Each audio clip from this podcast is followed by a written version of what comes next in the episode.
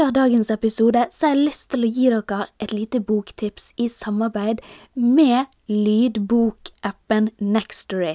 Og boken er Louise Hay, du kan helbrede ditt liv. Og jeg sier bare, har du ikke råd til psykolog eller terapi, da lytter du til denne boken.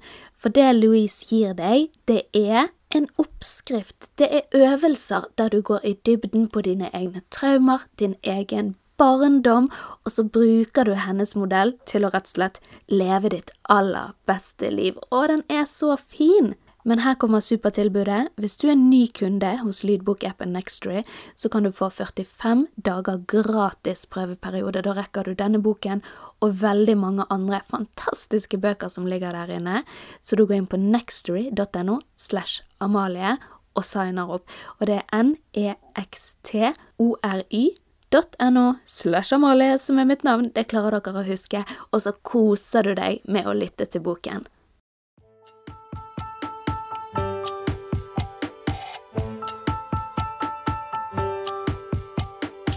Ok, Benedikte, god dag igjen. Det er onsdag på ny. Før vi går tar fatt på ukens tema, så må vi jo høre hvordan det går med oss sjøl.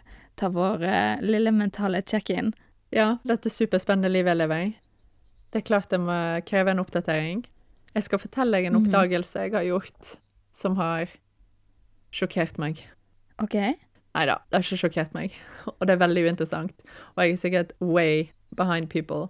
Men i går så holdt jeg på å sparkle, og så driver jeg, og da hører jeg alltid på musikk. Og så hadde jeg på en spilleliste som jeg har fått av broren min, med masse sånne gamle Jeg er jo big fan av Bob Dylan og Simon Garfunkel og den gjengen der. Så det er for det meste det det går i. Og så kommer Bob Dylans Desolation Road på, og jeg liksom holder på og hører, så bare Vent litt. Dette her er jo den engelske utgaven av Nederst på Karl Johan. Og det er sikkert sånn som folk vet, men jeg fant det altså ut i en alder av 33 i går. Så ja, det er det som har skjedd i livet mitt i det siste, da. Superspennende. Herregud. Jeg aner ikke litt hva du snakker om. Nederst til Karl Johan? Har ikke sang? du hørt sangen 'Nederst på Karl Johan'? Nei? Nei, Syng det. nå! Dette går ikke. Nederst på Hæ? Nei, hva er det for noe? Å nei, vet du hva. OK, da, da må du bare Rett etter det her så må du bare søke den opp på Spotify og høre 'Nederst på Karl Johan'. Den er jo helt nydelig. Hvem er det som synger det? Og litt artig.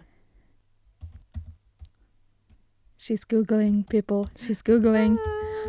Hvem, hvem er det som Dette her vet jeg egentlig, men det er for seint på dag for meg. Åge Aleksandersen som synger den sangen. Å ja, å ja. Og den ja. er, du, den er du nødt til å den, Det er så rart hvordan eh, sanger som jeg tar for gitt at alle hørte på i barndommen, bare Nei. What? Nei, det må være de tre, tre, to og et halvt årene som skiller oss, eller hva det er. Ja. det Er det? Men jeg har gjort en oppdagelse da, med meg sjøl. Vil du høre den? Ja. Det er at jeg er blitt sukkeravhengig. La meg bare dra dere kjapt gjennom det. Når jeg eh, vokste opp med min mor Off, nei. Du vet, når jeg begynner sånn, så blir det sånn lang historie. Men ok, drit i det. Når jeg vokste opp med, med min mor, så fikk jeg ikke godteri. Jeg fikk bare sukkerfritt godteri, og det var veldig strengt og alt dette her. Så etter hun døde, da fikk jeg jo plutselig lov til å bare woho, sukker, sukker, sukker. Og da begynte jeg å drikke ekstremt mye sjokomelk, sånn cirka opp mot en liter um, om dagen, da. Så altså sånne ekstreme mengder. Og jeg var veldig avhengig av sjokomelk i veldig mange år, og jeg har spøkt mye med det og tullet mye med det. Og sånn, aha, jeg er avhengig av sjokomelk, men det har for meg vært ekte, og hvis jeg ikke har fått det en dag, så har jeg hatt abstinenser, jeg har skjelvet i kroppen min, og jeg klarte en periode i Oslo å avvenne meg med det sukkerinntaket da ved hjelp av liksom Pepsi Max og Red Bull og andre typer ting. Og så har det vært litt sånn av og på, men jeg har vært veldig klar over det at når jeg begynner å drikke sjokomelk, så går det ikke an å stoppe. Og så har jo jeg vært på en veldig sånn sunnhetsreise i det siste. Og så ble jeg jo gravid, og nå er jo det, det er over tre måneder igjen, men jeg begynner å komme til det stadiet der jeg er ganske sulten og craver litt ting og sånn. Mm. Og vagen, magen er jo i en enorm sånn her vekstperiode. Så jeg Det startet vel egentlig med at jeg kjøpte Kokio et par ganger. Og så kjøpte jeg, og det er jo der smellen begynner, da, så kjøpte jeg da O'boy. Oh no. Og den kjøpte jeg, ja, og det var en hel pose på fredagen. Og så, når neste fredag da kom, så var den posen tom. Og så tenkte jeg OK, jeg har Ja, og jeg er litt sånn, er det veldig, er det veldig mye? Jeg føler i mitt hode at det kan være ganske mye. Og da Jeg vil vet si det er ganske mye, men det er òg ganske imponerende. Om jeg kan slenge ut Ja. den ut på deg. Ja, og det er jo Vi har jo snakket i mange episoder om at vi vet hva som er usunt for oss, og vi er dette bra for meg, og sukker er ikke bra, og jeg, og jeg vet jo det veldig, veldig godt. Og jeg kunne jo på en måte bare latt det gå, men det er noe med at det går helt, helt til hodet på meg, rett og slett, og det går, det går sånn at jeg Det er det jeg gleder meg til den dagen, hvis du Mm. skjønner. Jeg, jeg gleder meg til jeg skal drikke sjokomelk etter jeg har spist et måltid. Jeg gleder meg til å være ferdig med middagen når jeg skal ta det. Altså, det blir Jeg kan, jeg kan liksom gå en hel dag og bare si Å, nå gleder jeg meg til å komme hjem for å på en måte ditten og datten. Og nå gleder jeg meg til helg, fordi da kan jeg drikke mer av det. Altså den type ting. Og, det blir, det, og så syns jeg jo det er flaut, sant. Syns, jeg syns det er flaut overfor andre som liksom hele tiden går og lager meg et glass med sjokomelk og liksom si 'Kan du kjøpe en ny pakke med O'boy?' Jeg må si at det er kanskje den søteste avhengigheten jeg har eh, hørt om, da. Altså at du Ja. som en avdanket alkoholiker går og drikker O'boy i, i smug, liksom. Det er jo utrolig søtt. Ja. Men jeg ser at det er et problem. det, det er nettopp det, sant. Det er det som er greien, at det er jo på en måte ikke alvorlig, sant, fordi det er en ting som sukker og sjokolade. Men samtidig for meg så er det sånn at det endrer hjernen min, sant, fordi det er det jeg tenker på om dagen. Jeg går, jeg har aldri gått rundt og på en måte tenkt på mat eller å få i meg sjokolade eller sukker, men når jeg kommer inn på det kjøret, så er det det jeg går og tenker på. Og det å liksom stå opp og så bare sånn Å, gud, nå skal jeg ta meg et glass sjokomelk. Det er så fælt. Så nå Og så føler jeg jo òg at det på en måte går utover Nikolai, for det Han bare sånn Han kjenner igjen denne rørelyden, ikke sant? Ja. Så selv om jeg skjuler denne sjokomelken, så er han bare sånn Hva er det du drikker? Og så åh, så må jeg gi et glass til han, og så blir det jo bare tull, egentlig. Så nå skal jeg prøve å ta en liten rehab. I dag har jeg drukket to glass så langt. Eh, store glass. Og så tenkte jeg kanskje at jeg skulle kjøpe en veldig veldig mørk sjokolade og ta og erstatte cravingen med det, og så gradvis trappe ned. Og så selvfølgelig også Fordi det, det har jo ikke bare vært sjokomelk, det har jo òg vært halloween. Og jeg har jo spist eh, Twist hver eneste dag, for jeg hadde så masse Twist igjen. Så jeg har liksom gått inn i en sånn spiral, da. Jeg kom forrige gang hos jordmor, og så var hun sånn Ja, du har jo ikke lagt på deg noen ting, og spiser du nok? Og så jeg bare ja, ja, ja. Og nå kommer jeg, og hun bare sånn Å ja, gud, ja, nå har du lagt på deg kjempemasse. Så jeg bare sånn Ja, kanon. Og det er ikke fordi jeg har spist mer til middag, tenkte jeg oppi mitt hode. Det er fordi jeg har drukket sjokomelk, sant. Mm. Så um, ja.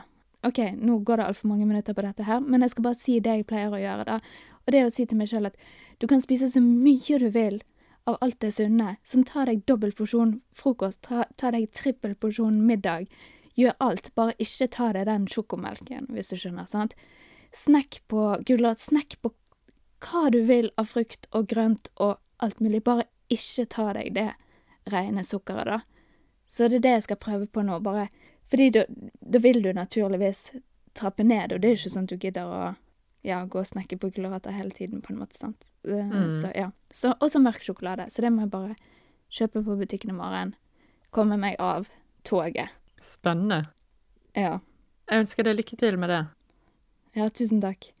Det blir, det blir Jeg må practice what I preach nå, altså. Det er Du Ja. kunne jo veldig fort ha skyldt på graviditeten, da. At OK, når jeg ikke er gravid ja. lenger, da kommer jeg sikkert ikke til å drikke så mye O'boy. Men uh, det er sterkt av deg å anerkjenne problemet. Det er første steg. Ja. Og så ta det nå, og ikke vente til du er ferdig med å være gravid. Ja, fy flate, for dette er et problem jeg kjenner til. Det kan jo hende det fins et sånn 12 step program for folk som deg. Kanskje det. Suk sukkeravhengighet må jo være en greie, for det, det er jo på en måte ikke sjokomelk, det er jo sukkeret, sant? Det er sukker. Det vet ja. jeg jo. Ja det, ja, det tror jeg. Kanskje Mm. det er en kombinasjon av sjokolade, men det fins jo sikkert folk som er avhengig av sjokolade, som har et eller annet sånt. Noe det For det er jo bare sjokolade i flytende form. Og jeg lager den Mm. såpass sterk at Ja. Men i dag skal vi snakke om noe helt annet enn det. Vi skal jo gå inn på noe som meg og deg Jeg føler for det Vi har egentlig snakket litt om det sånn her på chat, fordi du har hatt noen hendelser i ditt liv, og jeg har hatt noen i mitt liv, og så har vi liksom snakket litt om de, og så har vi mer og mer kommet litt inne på dette her med imposter syndrome, som handler om Nei, hva heter det på norsk? Bedragersyndromet. Som, som handler om dette her å føle at man Jeg vet ikke. Særlig på jobb tror jeg det er veldig vanlig å føle at man er bak en eller annen sånn her maske, og bare åh, du ser så flink ut, du ser så bra ut. Og så bak den masken så er du bare en som egentlig ikke kan det du holder på med, og du bare venter på at noen skal avsløre deg og bare se deg for den dumme idioten du er. Ja, gå med si? sånn ja, konstant eh, frykt for å bli avslørt, da.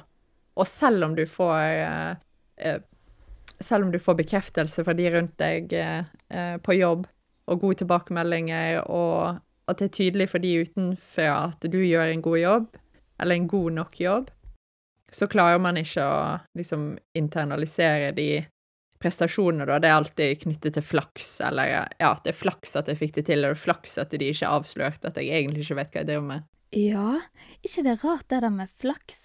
Der sa du e- et sånt nøkkelord for meg. Vil, vil du høre det første når vi kom opp med imposter syndrom-ordet blant oss? Vil du høre den første tanken som streifet meg? Mm. Det var når jeg skrev min bacheloroppgave på retorikk. Da var altså den eneste på kullet som fikk A, det var meg. Oi! Ja, det er jo egentlig Ja, hjertelig takk, hjertelig takk. Og vet du hva jeg tenkte da? Da tenkte jeg hm, fikk A. Nei, jeg må vel ha skrevet om noe som han sensoren likte, tror jeg. Det var nok litt grann flaks Mm. at jeg fikk Ja, den. flaks, det- ja.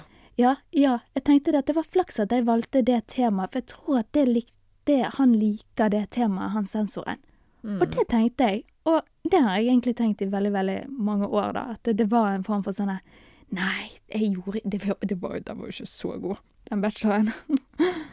og så er det bare sånn Hm, ja, flaks. Det er Mhm. rart å tenke om en bacheloroppgave, at det er flaks. Eller at det er Ja, ja. heldig du som traff på temaet. Ja, herregud. Eh, nei, men det, det der kjenner jeg meg veldig igjen i, og det husker jeg under når jeg satt og skrev masteroppgaven òg, at det var liksom en følelse av at jeg lekte eh, masterskriving, hvis du skjønner? Ja, ja, ja. Litt sånn nei, skal, skal ikke noen voksne komme her nå og så si at dette her er ikke godt nok, du vet egentlig ikke hva du driver med, og eh, ta meg ut av lesesalen, liksom. Altså sånn konstant. Her hører ikke jeg hjemme, dette får jeg ikke til, jeg er ikke god nok. Men så får jo man det til, og så er det så fort gjort å liksom bagatellisere prestasjonene sine, eller liksom, ja, skrive det av som flaks, eller at uh, du, du var heldig den dagen, at sensorene var i godt humør, eller Ja. at du, at du, du klarte å svare godt på det ene spørsmålet. Det var det som gjorde det, liksom. Det var ikke Det er ikke det du arbeidet du har lagt ned i alle de hundre sidene, liksom. Nei, nei, nei. Har du, har du følt deg som imposter på, på jobb noen gang? Ja, ja, ja. Spesielt i forrige jobb. Uh, og det var sikkert en kombinasjon av min personlighet og umodenhet, uh, og uh, det at det var en jobb som kanskje ikke passet helt til meg, da. Det en, Ja. Jeg er veldig eh, glad for de erfaringene jeg har gjort meg der, og, og det var en, var en fin jobb sånn sett, men eh, men det var ikke der jeg skulle være da, og det bidro jo til at engasjementet mitt for den jobben var lavere enn det den burde ha vært, eh, og da lærer man mindre enn, og utvikler seg mindre enn man, man gjør hvis man har et engasjement da, for det man uh, jobber med.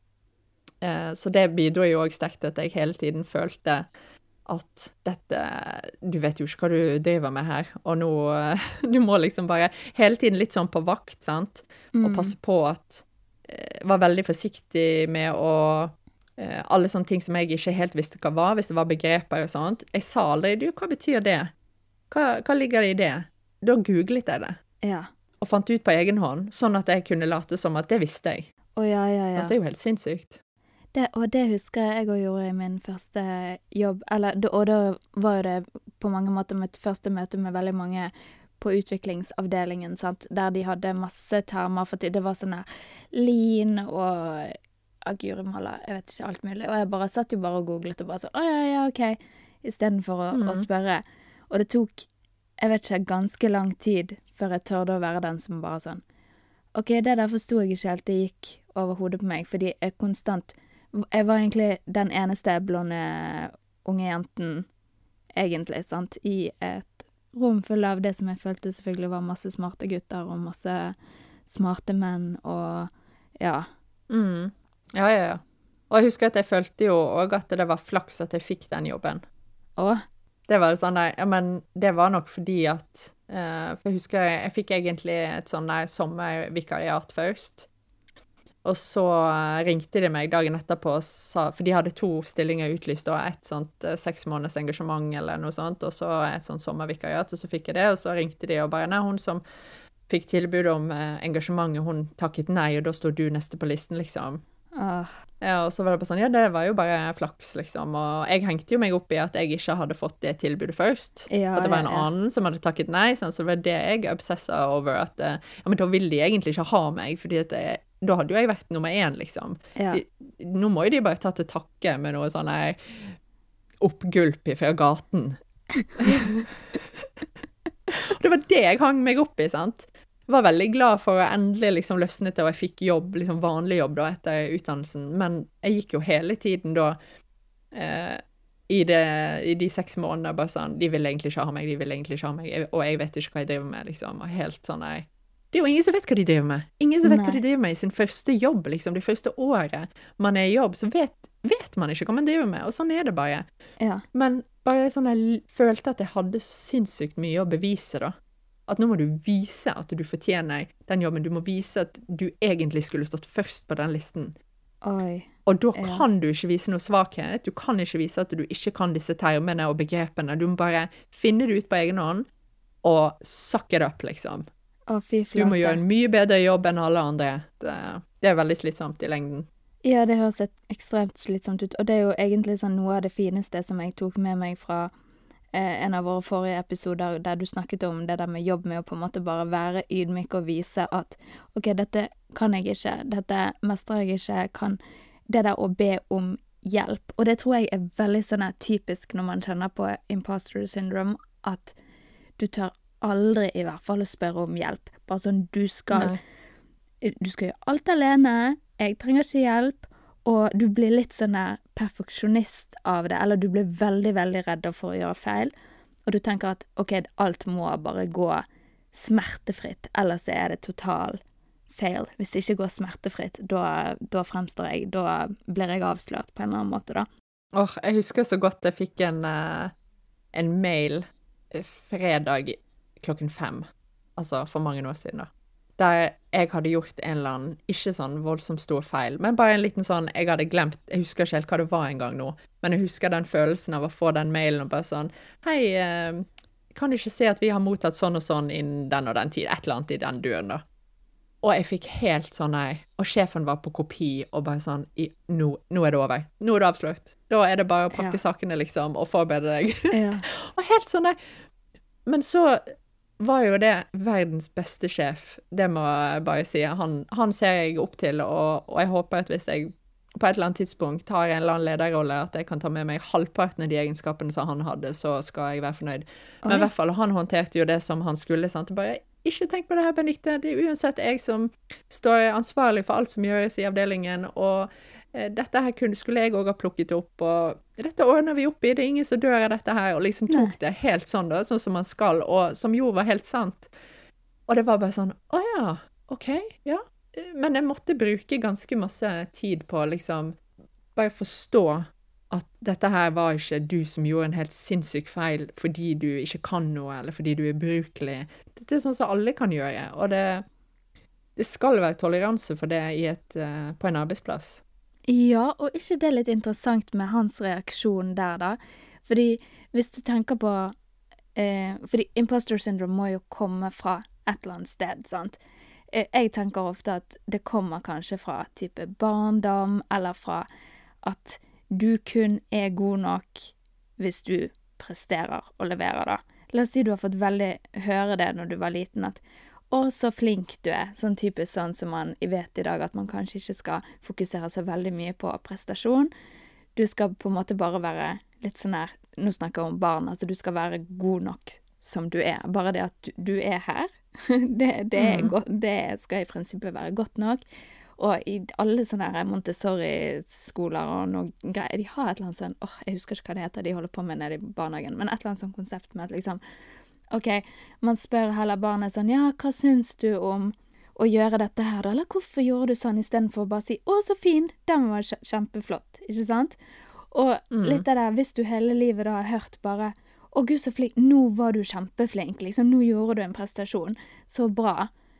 Så blir jo det litt sånn at da higer du Da er det alltid denne prestasjonen din som sitter fremst. Men det han egentlig sier da, eller hvis jeg skal tolke det sånn, da, det er jo at Nei, nei, nei, men Benedicte, du eh, gjør jo det bra nok uansett, liksom. Dette her skulle jo vi alle ha plukket opp. Altså, det spiller ingen rolle. Prestasjonen din Mm. på akkurat dette her, det gjør egentlig ingenting. Fordi det er sånn som alle gjør, og alle gjør feil, og alle ting kan skje, og Men jeg, jeg er fornøyd med deg som min medarbeider uansett, da. Du tar liksom vekk det derre Å ja, gud, du leverte ikke på dette, liksom. Fy skam deg. Ja, fordi at eh, min verdi som medarbeider var jo knyttet direkte til mine prestasjoner og det å aldri gjøre feil, sant? Mm. Og alltid vite hva ting var, og hvordan vi gjorde det, og Så det er jo eh, Og, og det- blir jo man helt utslitt av. Ja. Du, du, du, du blir jo så anspent òg, sant, fordi at du hele tiden er på vakt. Ja, ja, ja. Og så tenker du åh, ja, men når jeg bare har em, jobbet her så lenge at jeg kan alt, og når jeg bare har lært meg Hvis jeg bare Mm. blir litt smartere nå Eller sånn som meg og deg, vi hadde en samtale om at du er jo veldig interessert i sånn, hva skal jeg si, hjernehelse, og hvorfor vi gjør som vi gjør, og alt dette her. Og så sa du liksom sånn, ja, men det kan man jo egentlig bare jobbe med hvis man har denne utdannelsen, sant? Og det tror jeg kjempemange tenker at å, men hvis jeg bare får enda litt mer utdannelse innenfor det, hvis jeg bare tar enda litt mer kurs, hvis jeg bare altså, sant, Da skal imposter syndrome bare forsvinne, da skal du liksom være god nok og alt det, og jeg tror bare at du kan gjøre alt. Du kan bli smartere, du kan eh, få masse, masse erfaring, du kan få masse utdannelse, og det kommer aldri til å gjøre en forskjell. Aldri. Bare, og det på en måte å gjøre ytre ting kommer aldri til å på en måte fikse den følelsen du har inni deg, hvis du skjønner. Nei. Altså, hvis Mm. man skal du, Alt det der ytre, det har ingenting å si. Hvis du skal hva skal jeg si, bli kvitt denne følelsen av at jeg ikke er god nok, for det, det er i hvert fall min tolkning av imposter syndrome, da, at du egentlig aldri føler at du er god nok, med mindre du på en måte bare leverer på absolutt alt, sant. Så er jo det Mm. bare det samme kjedelige svaret som alltid, at du må, du må jobbe med deg sjøl på innsiden for å på en måte bli kvitt det, da, fordi alle Selvfølgelig sånn noen fremstår jo som supersmarte og superbra, og alt det, men det er jo Alle er jo mennesker. Alle er jo Alle gjør feil. Det er ingen her som er noe sånn er Supermann på jobb. Nei. Nei, nei, nei. Men hvordan er det man liksom kommer seg ut av imposter syndrome? Jeg hørte på en skikkelig interessant podkast i dag tidlig eh, som heter eh, The Psychology of Your Twenties. Okay. Som tar for seg Og nå har jo jeg passert eh, 20-årene, men likevel, det var veldig masse interessant der som, eh, som eh, er relevant for eh, folk i 30-årene òg. Og denne episoden om imposter syndrome tok hun for seg masse forskning på det, hva som ligger bak, og liksom ulike teorier knyttet til det, og hvorfor noen får det, og ja. hva som kjennetegner de som har det, og alt sånt som det der. Og der var det en teori om at imposter syndrome, bedragersyndrom, er noe man må leve med resten av livet. Å. At det forsvinner ikke Altså, du kan lære deg teknikker for å håndtere det, og det kan bli mindre Altså, det kan påvirke deg mindre over tid eh, hvis man jobber med det, men at det for stort sett alle som har opplevd det, vil føle det i en eller annen grad resten av livet. Oi. Og det er jo litt spennende. eh, spennende og litt eh, ja, deprimerende òg, da. Ja, det hørtes litt Men det handler jo kanskje om at man, man blir trigget av de samme tingene, men at man lærer seg å håndtere de triggerne, da. Eh, og når man blir trigget, at du liksom klarer å hente deg inn igjen. Men at du likevel blir, kan bli trigget i ulike situasjoner der du føler at bare sånn «Å, OK, her Nå blir jeg avslørt. Ja. Litt det vi har snakket om tidligere med å være bevisst da, på egne tanker. At det, starter, at det hele starter med å være bevisst på at wow, nå reagerte jeg sånn og sånn. Eller oi, nå Mm. gjorde jeg dette. Kan det være på grunn av Så så, hvis man skal si steg én med imposter syndrome, da er Søren burde jo bare sagt bedragersyndrom, men det er så mye finere på engelsk. Men steg én er liksom å se at OK, nå skjer det. Nå er jeg bevisst på at dette skjer. At her kommer det en Mm. tanke som kanskje ikke er eh, Ja, at eh, Å, han tror at jeg er kul, for eksempel. Men gud, jeg er jo egentlig ikke kul. Og så bare sånn OK, men vent Mm. litt her nå. Og, det, og der er jo ganske fin, den der du sa som du har hentet fra han eh, Dr. Armen. Den der Is this true? Den kan, Ja. den kan søren meg brukes til alt. Ja, og så må jeg bare legge til. Vi var på, jeg og samboeren min var på et interessant foredrag på fredag som var, om ungdomshjernen. Oi. Fordi at, eh, ja, tenkte, vi har jo aldri tid til noen ting, vi har aldri å gjøre noe. Dette her eh, kan vi ta oss tid til. Det er spennende. Mhm. Men i hvert fall så handlet det om ungdomshjernen, og vi har jo en ungdom om to måneder, så jeg tenkte det passer bra. Ja. Vi trenger å forstå hans hjerne. Det kunne vært enda mer sånn praktisk rettet og litt mer dyptgående, da, fordi at jeg føler at jeg kan ganske mye om det temaet allerede, så det ble litt sånn OK, get to the good stuff, liksom, men så var det ferdig. Men anyway, så sa hun at det her med å telle til ti, og dette gjelder jo ikke bare ungdom, det får jo vi ofte høre, sant? Tell til ti, gå ut av rommet, ta en liten pause før du reagerer på følelsene dine. Ja. Og selv om det er litt sånn klisjé, så er, har det en hensikt, fordi at når man tar den pausen, så gir man prefrontal cortex, altså Frontallappen. pannelappen, frontallappen, takk, som vi snakket om i forrige episode eller gangen før deg, Ja. tid til å koble seg på, for den Oh. tar ofte litt tid å koble seg på. Så det å faktisk ta noen sekunder da, og pause, og ikke reagere med en eneste gang, det har en kjempeeffekt og veldig eh, tydelig hensikt. Så det, selv om det er noe som veldig mange sier, ti, ha-ha, liksom, at det, det har faktisk en hensikt. Og det tenker jeg òg kan være Og det har jo det med det her bevisstgjøring, sant. Hvis man liksom klarer først å identifisere at nå ble jeg trigget, Ja. nå kjenner jeg på disse her følelsene, og så bare ta, ta seg litt tid til bare sånn, men er det sant? Og skal jeg reagere på dette nå med en gang? Skal jeg gå rett inn i den der, å herregud, nå beviser at jeg ikke er ubrukelig, og begynne å google ting, og skulle prestere enda bedre, og Mhm. henge seg opp i den perfeksjonismen, da. Oi, det syns jeg var kjempespennende.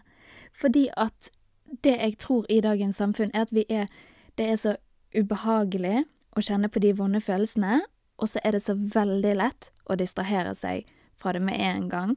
Sånn at du nesten ikke Og det er snakk om attention span, sant, med at uh, man sitter og ser på TikTok, og du har egentlig bare de der syv sekundene sant, før du hopper over til noe annet. At det å faktisk telle til ti i dagens samfunn er jo egentlig ganske lenge, ikke sant? Det å sitte og bare sånn Mm. OK, nå gir jeg meg sjøl noen sekunder. Så det tror jeg kan være superverdifullt. Det skal jeg eh, te det, Jeg skal ikke si at jeg skal teste det engang, fordi det føler jeg at jeg allerede er begynt med å gjøre, faktisk. At når jeg kjenner på en eller annen tanke som er litt sånn wow, wow, wow, så setter jeg meg ned og bare Mm. OK, hvor kommer han fra, da? Mm. Men eh, nei, det var gøy. Det jeg tror, når man først begynner å se på om man har imposter syndrome, eller om man føler på det litt eller ikke, det er at man kan koble veldig mange hva skal jeg si, konsekvenser til det, da. At plutselig sånn, så man tillater veldig mye ting. Eller det har i hvert fall jeg tenkt på sånn, hva tillot jeg når jeg har følt på de imposter syndrome-tingene, når jeg har vært i de situasjonene der jeg ikke har følt meg god nok, og at jeg bare skal bli avslørt. Hva har jeg tillatt? Jo, jeg har tillatt veldig ofte at folk sånn sier til meg sånn Men dette er ikke godt nok. Og så istedenfor at jeg sier jo, men det syns jeg at det er, så bare går jeg helt motsatt og bare sånn nei, nei, gud, nei, det er ikke godt nok. Å, herlighet. Å, hjelp, hjelp, hjelp. hjelp. Altså, jeg tør Mm. ikke å sette sånn tydelige grenser for meg sjøl med at sånn Du har ikke lov til å komme her og si til meg hva som er godt nok eller ikke, for det definerer jeg. Sant? Hvis du kommer Mm. her og sier at ja, men den fargen der på veggen der var jo ikke fin, så vil jeg heller bli sånn her Å ja, ja, ja. mhm. Altså, jeg begynner å tvile på meg sjøl. At det er ganske mange egentlig konsekvenser for det der å på en måte ha det syndromet. Mm. Føle seg som en bedrager. Ja. Jeg leste at uh, det er omtrent 70% av alle voksne som har opplevd bedragersyndromet da, en eller annen gang i løpet av livet. Og så er dette uh, Ja, også hos høytytende. Jeg vet ikke hva det må si var høytytende menneske, liksom. Hva betyr det? Men der er det i hvert fall For dette her var fra NHI, da. Eh, at der er det anslått at 25-30% har sånne tanker. Å ja. Det er ganske masse. Men tror ikke du at det er en veldig sånn naturlig konsekvens av det å føle seg som en imposter? At OK, da må jeg bare jobbe enda, enda hardere. Da må jeg bare bli enda mer perfeksjonist. Da må jeg bare At det er veldig sånn nært knyttet til Hva skal man kalle det for? Flink pike-syndromet òg.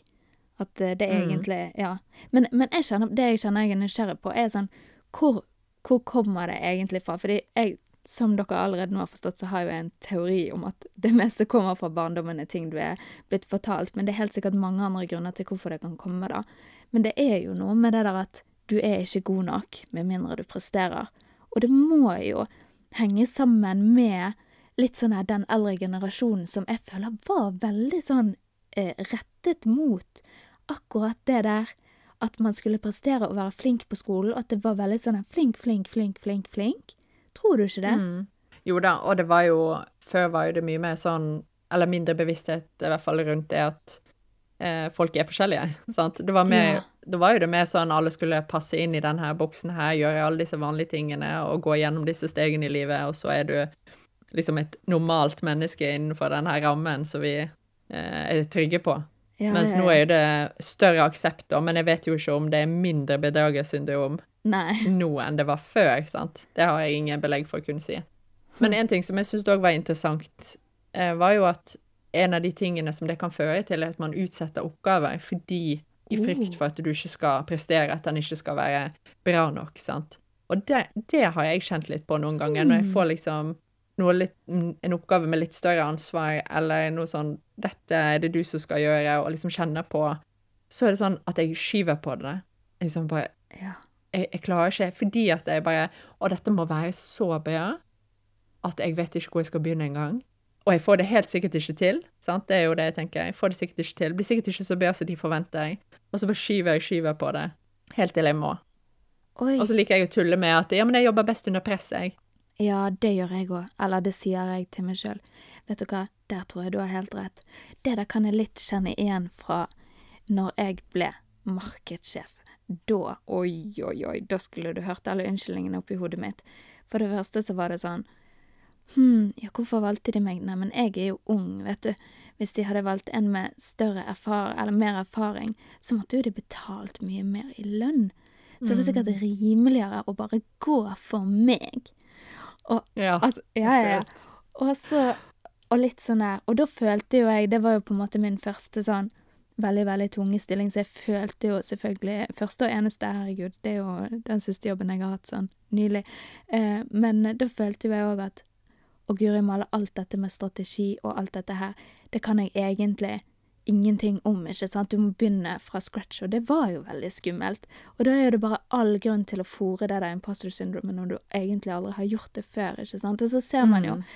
selvfølgelig etter hvert at når jeg satt i de tunge styremøtene med noen av de hva skal jeg si, tyngste strategene, så satt jeg jo der og bare sånn Å ja, men herregud, dette kan jeg jo, sant? Eller dette her elsker jeg jo, og dette, dette vet jeg jo.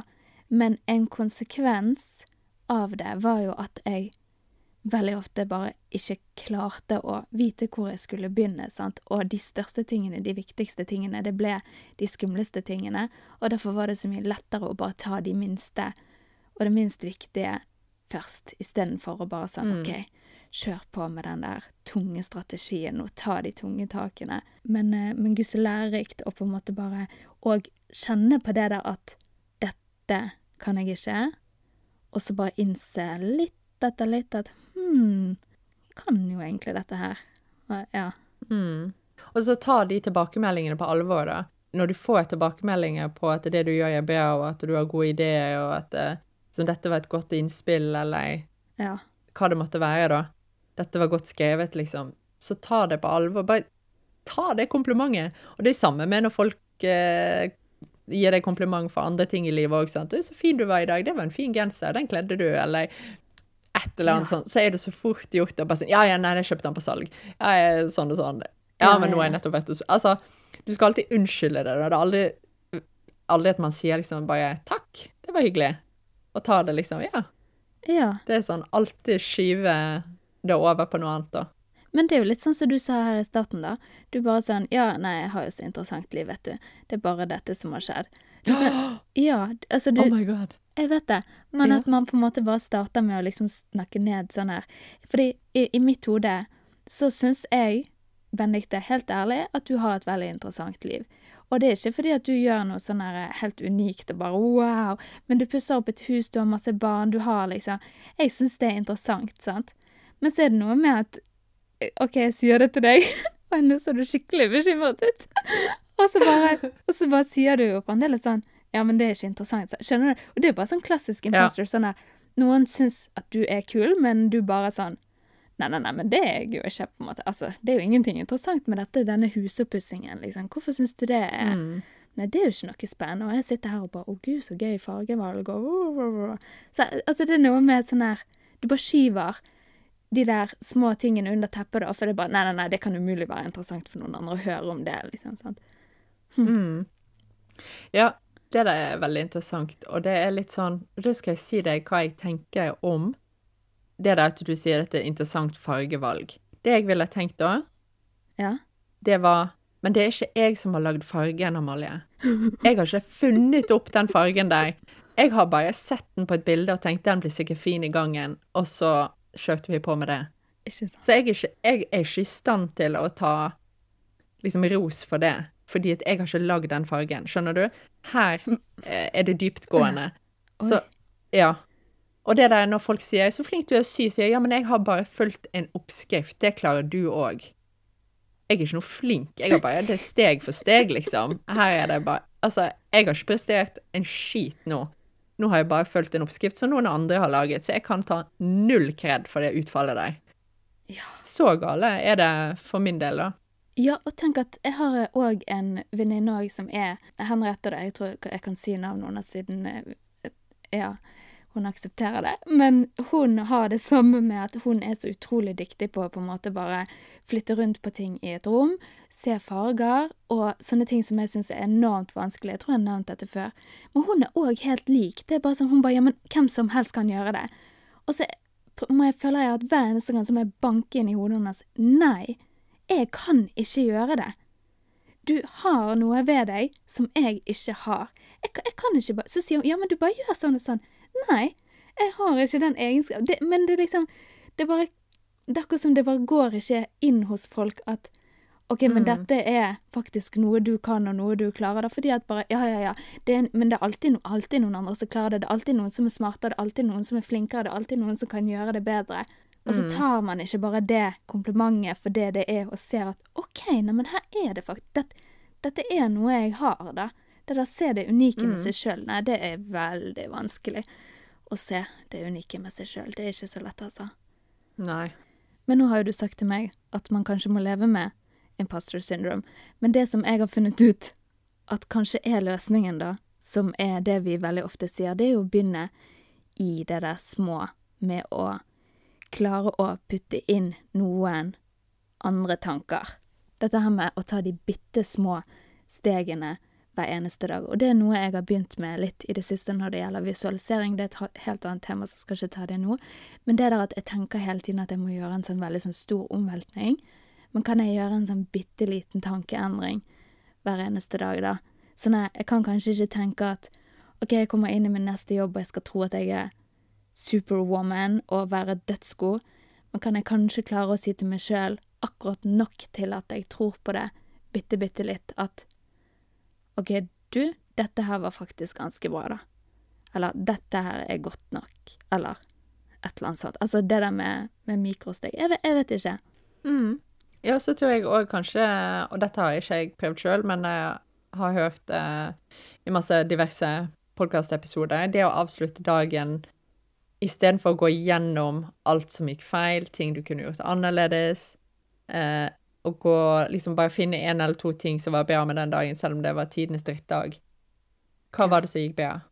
Fordi, Ja. Ikke nødvendigvis fordi at de tingene du tenker på var så sinnssykt bra, og at man skal henge seg opp i de, men at det er en øvelse eh, i hjernen din å, å omstille deg litt til å lettere hente frem ting som er bra, da. Og være flinkere på å se det. Å ja, den var god. Det pleier jo jeg å Jeg tror kanskje jeg snakket litt om det i den manifestasjonsepisoden, men at jeg av og til, når jeg legger meg, hvis jeg er med Anders, så kan jeg spørre han sånn hva syns du har vært det fineste øyeblikket med denne dagen? Eller så prøver jeg sjøl, og det er veldig ofte jeg glemmer det, å spørre meg sjøl hva var det fineste øyeblikket med denne dagen.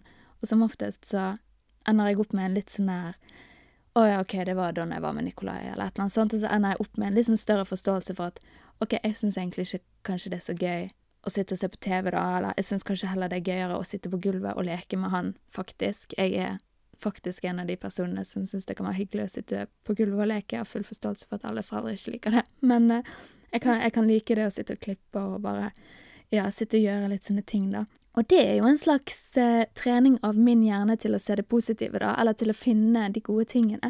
Så jeg kunne egentlig bare gjort den samme øvelsen med å bare OK, men hva har du gjort som har vært bra i dag? Trenger ikke være så mye mer enn det. Bare har, jeg gjort noe som jeg Mm. syntes var bra jobbet? Det der, hva, hva episode var det vi snakket om det, med det der med å gi seg sjøl et litt sånn heiarop, sånn Det var vel om den med vaner. Og bare det der å heie litt grann på seg sjøl. Hvis du klarer Mhm. bitte litt det på slutten av dagen, eksempel, eller innimellom. Ja, feire små seire, da. Ja, og jeg eh, hadde en gang for lenge siden et Google Docs-dokument der jeg skrev ned fine ting som folk sa til meg fordi jeg hadde lyst til å ta vare på det. Oi! Ja, og det var utrolig koselig. Og jeg har, og jeg har noen lange sånne Messenger-meldinger inni der som jeg har fått av folk som bare var sånn Å, Amalie, og så bare, jeg bare copy-paste inn der. Og det var utrolig Men jeg kommer aldri til å gidde det nå, da, for det er nå jeg er for lat. Men, men eh, hvis man har energien til faktisk bare sånn gå inn på notater på telefonen og bare skrive det kjapt, bare sånn 'Dette var fint. Dette var hyggelig', så eh, Mm. kan jo det være litt fint. Ja, ja, hjelp meg. Det er superkoselig å ha. Ja. Men jeg kom på en ting som òg er litt sånn Nå er vi litt i ferd med å wrap it up her, eh, med litt sånn oppsummering og hva vi kan, kan eh, gjøre, eventuelt. Men så kom jeg på en ting som òg er litt interessant i forhold til imposter syndrome og litt sånn flink pike, og det å hele tiden dysse ned sine egne tanker og prestasjoner og evner, da. Det er denne her, og det er kanskje ekstra knyttet til kvinner Ja. det er den tendensen til å si eh, Jeg tar sikkert feil, altså, men Jeg har sikkert Ja. misforstått deg, men um, Uh. Nå kan jo ikke jeg dette her, men Au. Hele tiden legge til en sånn intro til det du skal si, sånn at du unnskylder deg i forkant fordi du er redd for at folk skal dømme deg ut ifra det du sier. Oi, At- oi, oi. Så, så da har du liksom helgardert deg, da. Sånn at hvis de tenker at dette er dumt, så, så går det bedre fordi at jeg sa jo først at jeg sikkert tok feil. Sant? Er ikke det? Det òg er helt sånn jeg, Og det, det, det har jeg stoppet meg sjøl mange ganger. Jeg har liksom tenkt at nå skal jeg komme med det, skal jeg si sånn og sånn, og så, og så har jeg nesten på automatikk begynt setningen med eh, Nå kan det hende at jeg tar helt feil, altså. Men nå sier ikke jeg at man liksom hver gang man sier det, så fordi at du er liksom imposter syndrome, og du trenger jo ikke å analysere hver eneste setning du sier så dypt. Eh, Det handler jo òg om en viss ydmykhet, sant, eh, i den settingen man er i, så det, det kan jo òg være et uttrykk for det, men veldig ofte så er det fordi at du tviler på dine egne Nettopp evner og refleksjoner og kunnskap og det du har å komme med, så du slenger på en sånn der But I could be wrong. Ja, ja, ja. Det er nettopp det. Man skal sette Dette er litt det som jeg sa i sted. Sett en grense, sant. Sett en grense for hva som er greit å si til deg, og hva som du syns er greit at du sier om deg sjøl, eller til deg sjøl, da, for eksempel. Er det greit at du sier hver dag Nå har du sikkert feil, men er det greit at du sier det høyt? Altså, fordi er det egentlig sant? Kunne du bare ha sagt det uten Hva ville en mann gjort, tenker jeg av og til. Han ville nok mest Mm. sannsynlig bare boost ut med det. Fy flate, det der er en uting, og hele tiden bare sånn Nei, unnskyld meg, altså, men i Kanskje jeg har feil. Jeg òg har gjort det mye, men jeg prøver å venne meg av det, fordi det er jo litt tullete. Ja, ja, det er sånn, å, beklager at jeg sitter her og puster i den samme luften som dere andre superintelligente mennesker. Men om jeg kan få lov til å komme med et lite innspill her skal prøve å ta det er så minst mye tullete, vil si jeg. Ja. Nei, men dette er interessant, Amalie. Det er nok ikke siste episoden om dette her, tenker jeg. Og jeg er helt sikker på at det er veldig mange som kjenner seg igjen i dette her i mindre eller større grad. Fordi at obviously så, så rammer dette her ganske mange av oss. Eh, og ikke sikkert at alle kjenner på det til enhver tid, men at de har det på et eller annet tidspunkt i livet. Ja, la oss høre din verste imposter syndrome-følelse når du har hatt det. Jeg tror min må være på toppen med den bacheloren. Og når jeg ble markedssjef. Det må være de verste. Sånn flaks og heldig. Send det til oss på Life Fuel Podcast på Instagram. Vi har jo så lyst til å høre. Det er alltid veldig gøy når vi får litt sånne historier i innboksen. Altså, det elsker vi. Og så går det an å finne Benedikte og meg, vi er jo tagget. Og så, ja Og så tror jeg vi sier at vi snakkes neste onsdag, ikke det det? Jo, det er det. Ha det! Ciao, ciao!